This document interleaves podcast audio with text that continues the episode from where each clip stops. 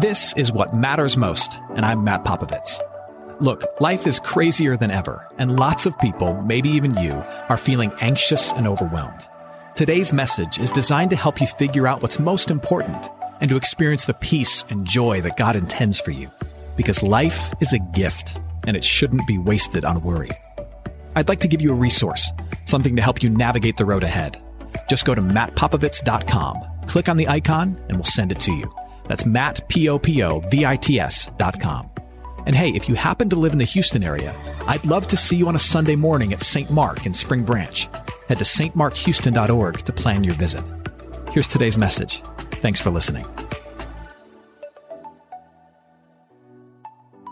Patek Philippe watches. They are the most expensive in the world. They range in price from $5,000 to $500,000. It's the finest in Swiss watchmaking. Uh, it's the most lavish of watches that you can possibly purchase. In fact, did you know that there is a store in Houston that sells these watches? So if you're making a list of things to get for, you know, I don't know, your, your pastor, your, your, favorite church worker in the world, uh, just, just take note of this. I, I don't need a $500,000 watch. I'd be perfectly fine with like a $20,000 watch. Now, they're famous for how luxurious their watches are. But one of the things that, that brought them some notoriety was, was their advertising slogan that they unveiled a handful of years ago uh, that really took hold. It, goes like this It says, You never really own Patek Philippe, you take care of it for the next generation. This helped lift their sales, and it also helped justify such a lavish expense on a piece of jewelry. After, after all, it's not for me, it's for the next generation. Now, whether they know it or not, in adopting this slogan, they've actually stumbled upon a biblical idea. The biblical idea of, of stewardship. the biblical idea of stewardship is, is based on this notion that, that no one owns anything, uh, let alone a lavish watch, because it is God who creates, gives, and actually owns all things. We only have it for a moment and then pass it on to the next generation. Psalm 24, verse 1 puts it like this The earth is the Lord's and everything in it, the world and those who dwell therein. No one owns a thing. We are but temporarily entrusted with the things of God until they leave our hands and go to somebody else's. And the question that people of faith are to wrestle with is this if, God owns everything and it's only temporarily entrusted to me, how might I utilize it while it's in my grip, while it's in my hands, in a way that brings the most honor and praise and most satisfaction to the one who actually can lay claim to it, to the one who actually owns it? How do I use it while I have it according to his will? That's the question of stewardship. And I think the easiest way to answer that question of what it means to utilize what you hold of God's for a moment until it's given to somebody else the easiest way to answer that question is this God wants his people to jump at every possible chance to be generous. God wants his people to be givers. God wants his people to take every opportunity they can to be generous. Uh, when you look at the whole of Scripture, you could, you could summarize all of its talk on the, the various ways and reasons we should give in, in three words. There are gifts you should give, gifts you could give and gifts you would give. There's should giving, could giving, and would giving. Uh, the, the should gifts are the gifts that you should give because they're commanded by God. So if you're here as a follower of Jesus, God says, take the first and the best of what I give to your house and give it right back to my house for the expansion of my kingdom and as an act of worship to me. Uh, we should do that. It's commanded. But then there's also gifts you could give. This would be an over and above gift beyond what you should give. These are gifts that you have to plan for, however. Because in order to give a could gift, it comes out of what you typically live on. And this allows you to take part in, in some project that comes out of nowhere or to respond to somebody's need as it emerges. You make a plan, you sacrifice, and then you give. That's a gift you could give if you plan for it. And then there's gifts that you would give if God blesses you in ways that are unexpected. When God gives you a gift you weren't expecting, you bless somebody else in return. It's a, it's a more aspirational gift. It's a gift that you give prayerfully where you say, Lord, if you were to ever give me this, I promise, I wish, I hope that I would do that. That's a would gift. And God's desire is that his people would be faithful in all kinds of giving. That's what it means to be a good steward. That you would give the gifts you should, the gifts you could, and the gifts you would when God blesses you with the opportunity. Now, with the time that I've got left, I want to just give you five reasons why you should seek to live the most generous life possible while you can. Because I know that me just telling you that there are gifts you should give and could give and would give isn't enough. It's not nearly compelling enough. It's not enough for me to say, God says so, so do it. So instead, let me give you five reasons why you should live the most generous life possible if you're a follower of Jesus. First reason is this generosity breaks the power of possessions. Generosity breaks the power that stuff has over your soul. I've got good news for you and I've got bad news for you. The good news for you is that you are rich. The bad news is you're rich. And wealth has a way of, of numbing us to the things of God. We take the gifts of God that we've been entrusted and we make them kind of like our God in his place, and we think that they are actually the source of our hope and our peace and our security. And then this gift of God that's become our God actually creates this, this distance from us with God. Which is why Jesus says things like this in Matthew chapter 19. He says, Truly I say to you, only with difficulty will a rich person enter the kingdom of heaven.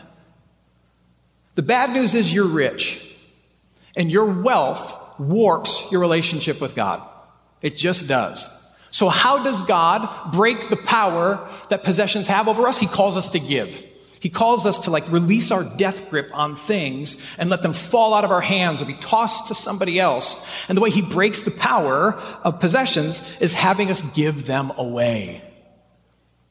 Uh, the words I just read of Jesus, they come after an encounter that he has with someone called the rich young ruler who came to Jesus saying, How do I experience heaven? How do I experience the things of God? And Jesus, knowing all the things, because Jesus knows all the things, he knew that this guy's life was wrapped all around his things. And so Jesus looked at him and said, How about you give away all that you have? And did the rich young ruler do it? No. Would you? That's a question to wrestle with. Generosity breaks the power of possessions, forces our hands open. Second reason why you should be as generous as you possibly can is because generosity anchors your heart in heaven. Generosity anchors your heart in the things of God. When you give towards the things of God, more of your heart is rooted in the hope and the peace and the promises and also the future kingdom that God promises to us. Now, maybe you haven't figured this out yet. If not, let me clue you in. There is another world coming. There's another world coming. It's a world where all the petty games we play with possessions and all the obsession we have with them, all that stuff's going to fall away. And it's a world where the things of God that we only experience in like glimpses and glimmers right now will be the air we breathe then. Things like mercy, peace, joy, hope, love, the things of God faith in Him, that will be the air that we breathe, and everything else will fall away. That world is coming. This world is fading. And so, what Jesus says is look, you'd be wise to invest yourself in the world to come because you're going to spend a lot more time there than you ever spend here. Invest there. Again, this is why he says in Matthew chapter 6, 19 through 20, he says, do not lay up for yourselves treasures on earth where moth and rust destroy and where thieves break in and steal, but lay up for yourselves treasures in heaven where neither moth nor rust destroys and where thieves do not break in and steal. Jesus says when you, when you are generous to the things of God, you're anchoring your heart in the world and the hope to come. Third reason why you should be as generous as possible generosity protects you from heartache and hope fail. Jesus focuses more on money and possessions in his teachings in the gospel uh, by percentage than anything else. Th- that's not because Jesus wants to get into your wallet, not like Jesus is running some kind of Ponzi scheme. No, Jesus has a pastoral concern for all those who would come after him. He's trying to protect your heart from the inevitable. And here's the inevitable all the treasures that you gather up at some point will be rudely taken from you. All of it. It'll either happen on the day that you die, or something calamitous could happen long before that.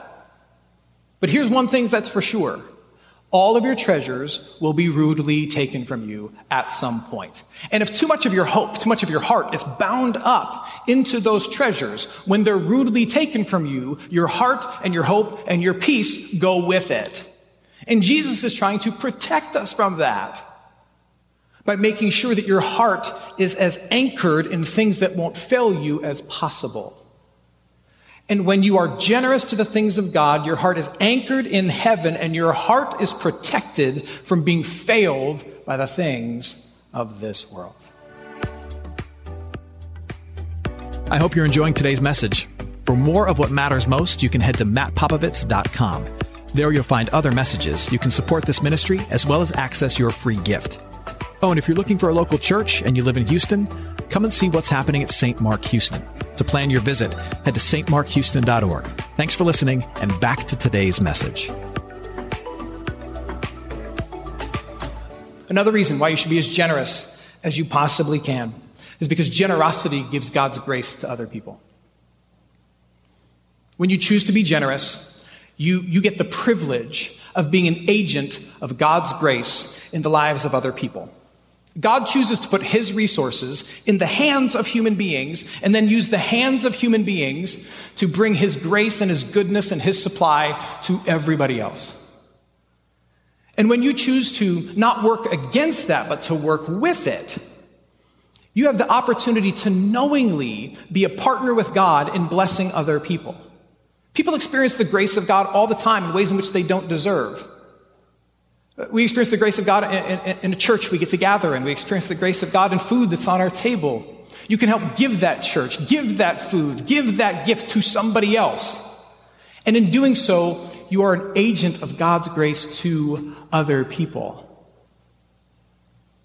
This is part of what Paul is getting at in 2 Corinthians chapter 9 when he says these words. He who supplies seed to the sower and bread for food will supply and multiply your seed for sowing and increase the harvest of your righteousness. You will be enriched in every way to be generous in every way, which through us will produce thanksgiving to God. When you help someone pay a bill, pay, pay a bill, eat a meal, or go to church, you are not just being nice, you are doing an act of divine providence. Your, your righteousness, Paul says, your, your right relationship with God that you have through faith alone, is meant to produce a harvest. God saved you so that he might do things through you. He's entrusted gifts to you so that he might utilize them through you to bring blessing to other people. He wants to produce a harvest through you. And then, as you are generous and you're producing a harvest through your generosity among other people, partnering with God in His divine activity, what Paul says is that will produce thanksgiving to God in the hearts of other people. Now, now Paul says that not for us to take pride, not so that we would, might hear that and go, I'm working with God. I'm pretty great. He says that to us so that we might understand the privilege when you are generous, there are people who will give thanks to God, the maker of the universe, because of you. There are people who will give thanks to God because of you. What an incredible privilege that is.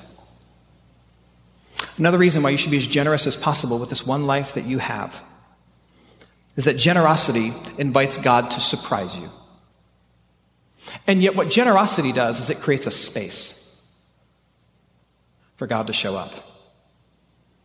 When you've given out of what you have to give to somebody else, and now there's a space created by what you gave to something or somebody else, that's a space where God is now invited to show up and surprise you at his ability to provide for you, his ability to keep you whole as a person who's doing his, his work of generosity. Again, Paul, 2 Corinthians chapter 9, he says this He who supplies seed to the sower and bread for food will supply and multiply your seed for sowing. You may not know this, but, but, but here, here's how seed was sown in the ancient world. You walked the field and you had a bag of seed at your side. And as you walked the tilled soil, you would put your hand into the bag of seed, and with your eyes forward on the field, you'd put your hand in the bag, grab some seed, and you'd toss it into the field. And as you walked forward, you'd reach in the bag, scatter seed. Reach in the bag, scatter seed. And what God is saying is this He invites His people to be people who reach back for seed to scatter into the world with more intensity than most people do and into places where most people don't. Which means you're going to be more likely to run lower on seed than other people. And what he's saying is, watch and see how every time you reach back into that bag for something to scatter according to my will and in step with my ways, your hand will not be empty.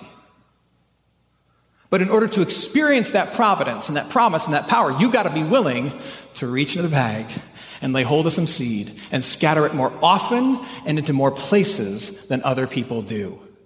Now, we don't give in order to get, but rather God does say this. If you give in the ways that that I tell you to give, I will not let you go without for doing good. I won't. Let me surprise you in this. Now, with all that said, all those reasons why you should be as generous as possible with this one life that you have to live, I will recognize that this is, is not easy. If generosity were easy, more people will do it. I don't know if you've seen the data on this, most people don't. In order to bless others, you got to break yours. But we do so in faith, believing that God will make the breaking worthwhile. And if you, if you don't believe me on that or you struggle to trust me on that, I, I have just two steps I would suggest that you take. Number one, and this is God's suggestion, not mine, that you test God in this.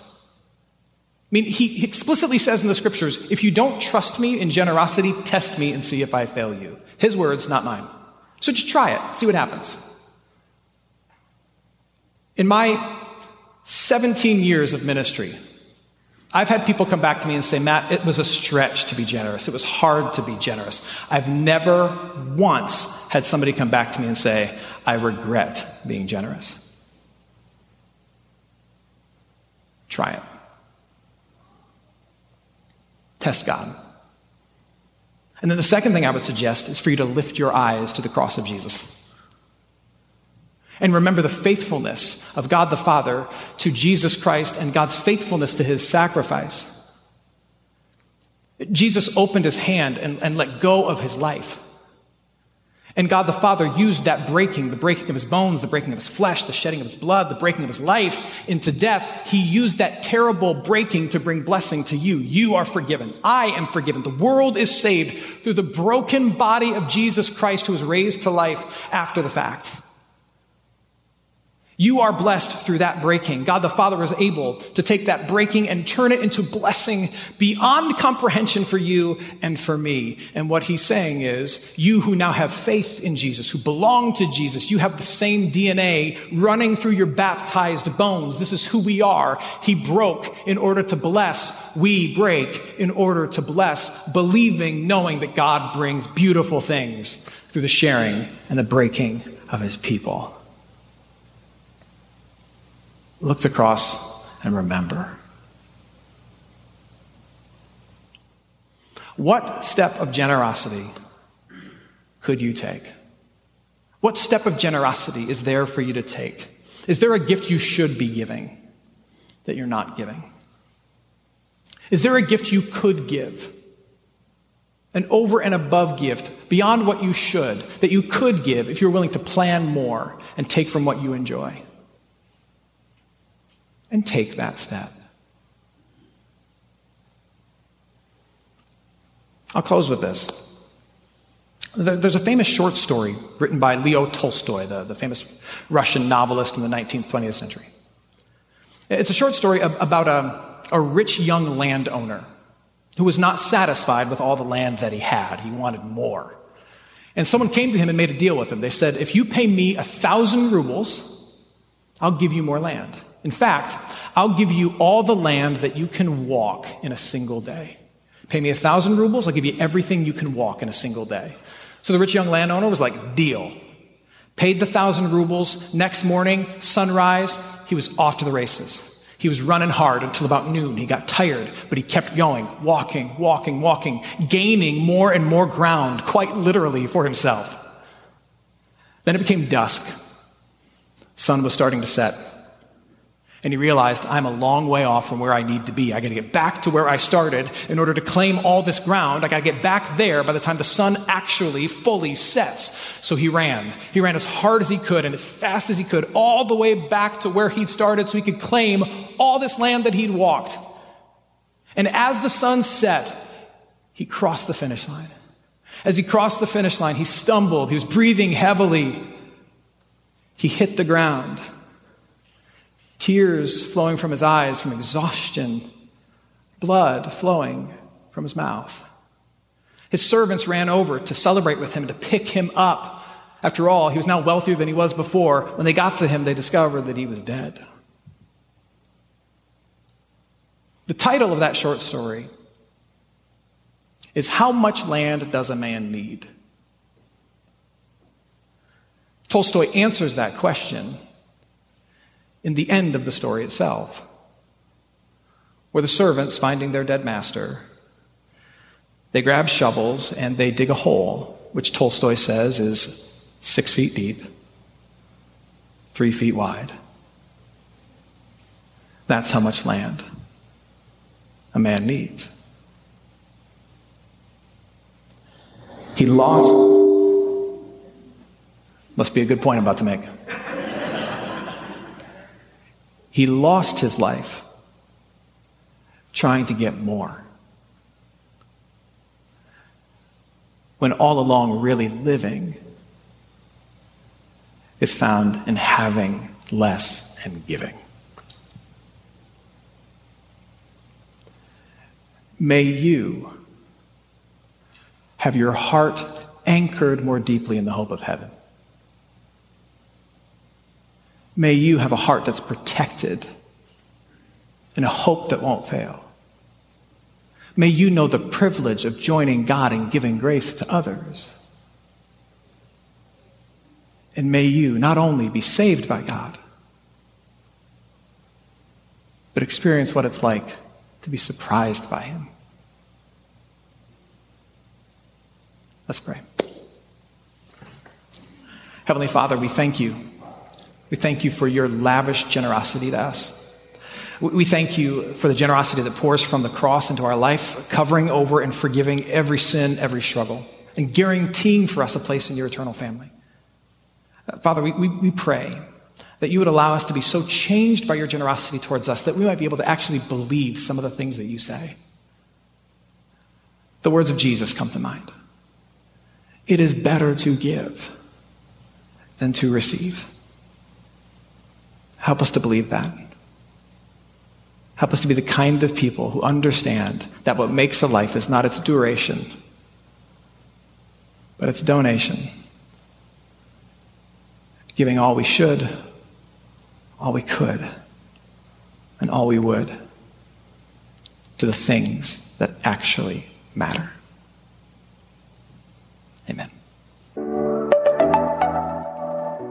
Hey, it's Matt. I hope you enjoyed what matters most. Here's what I need you to know life is a gift, and it shouldn't be wasted on worry. I want to help you figure out what's most important and to experience the peace and joy that God intends for you.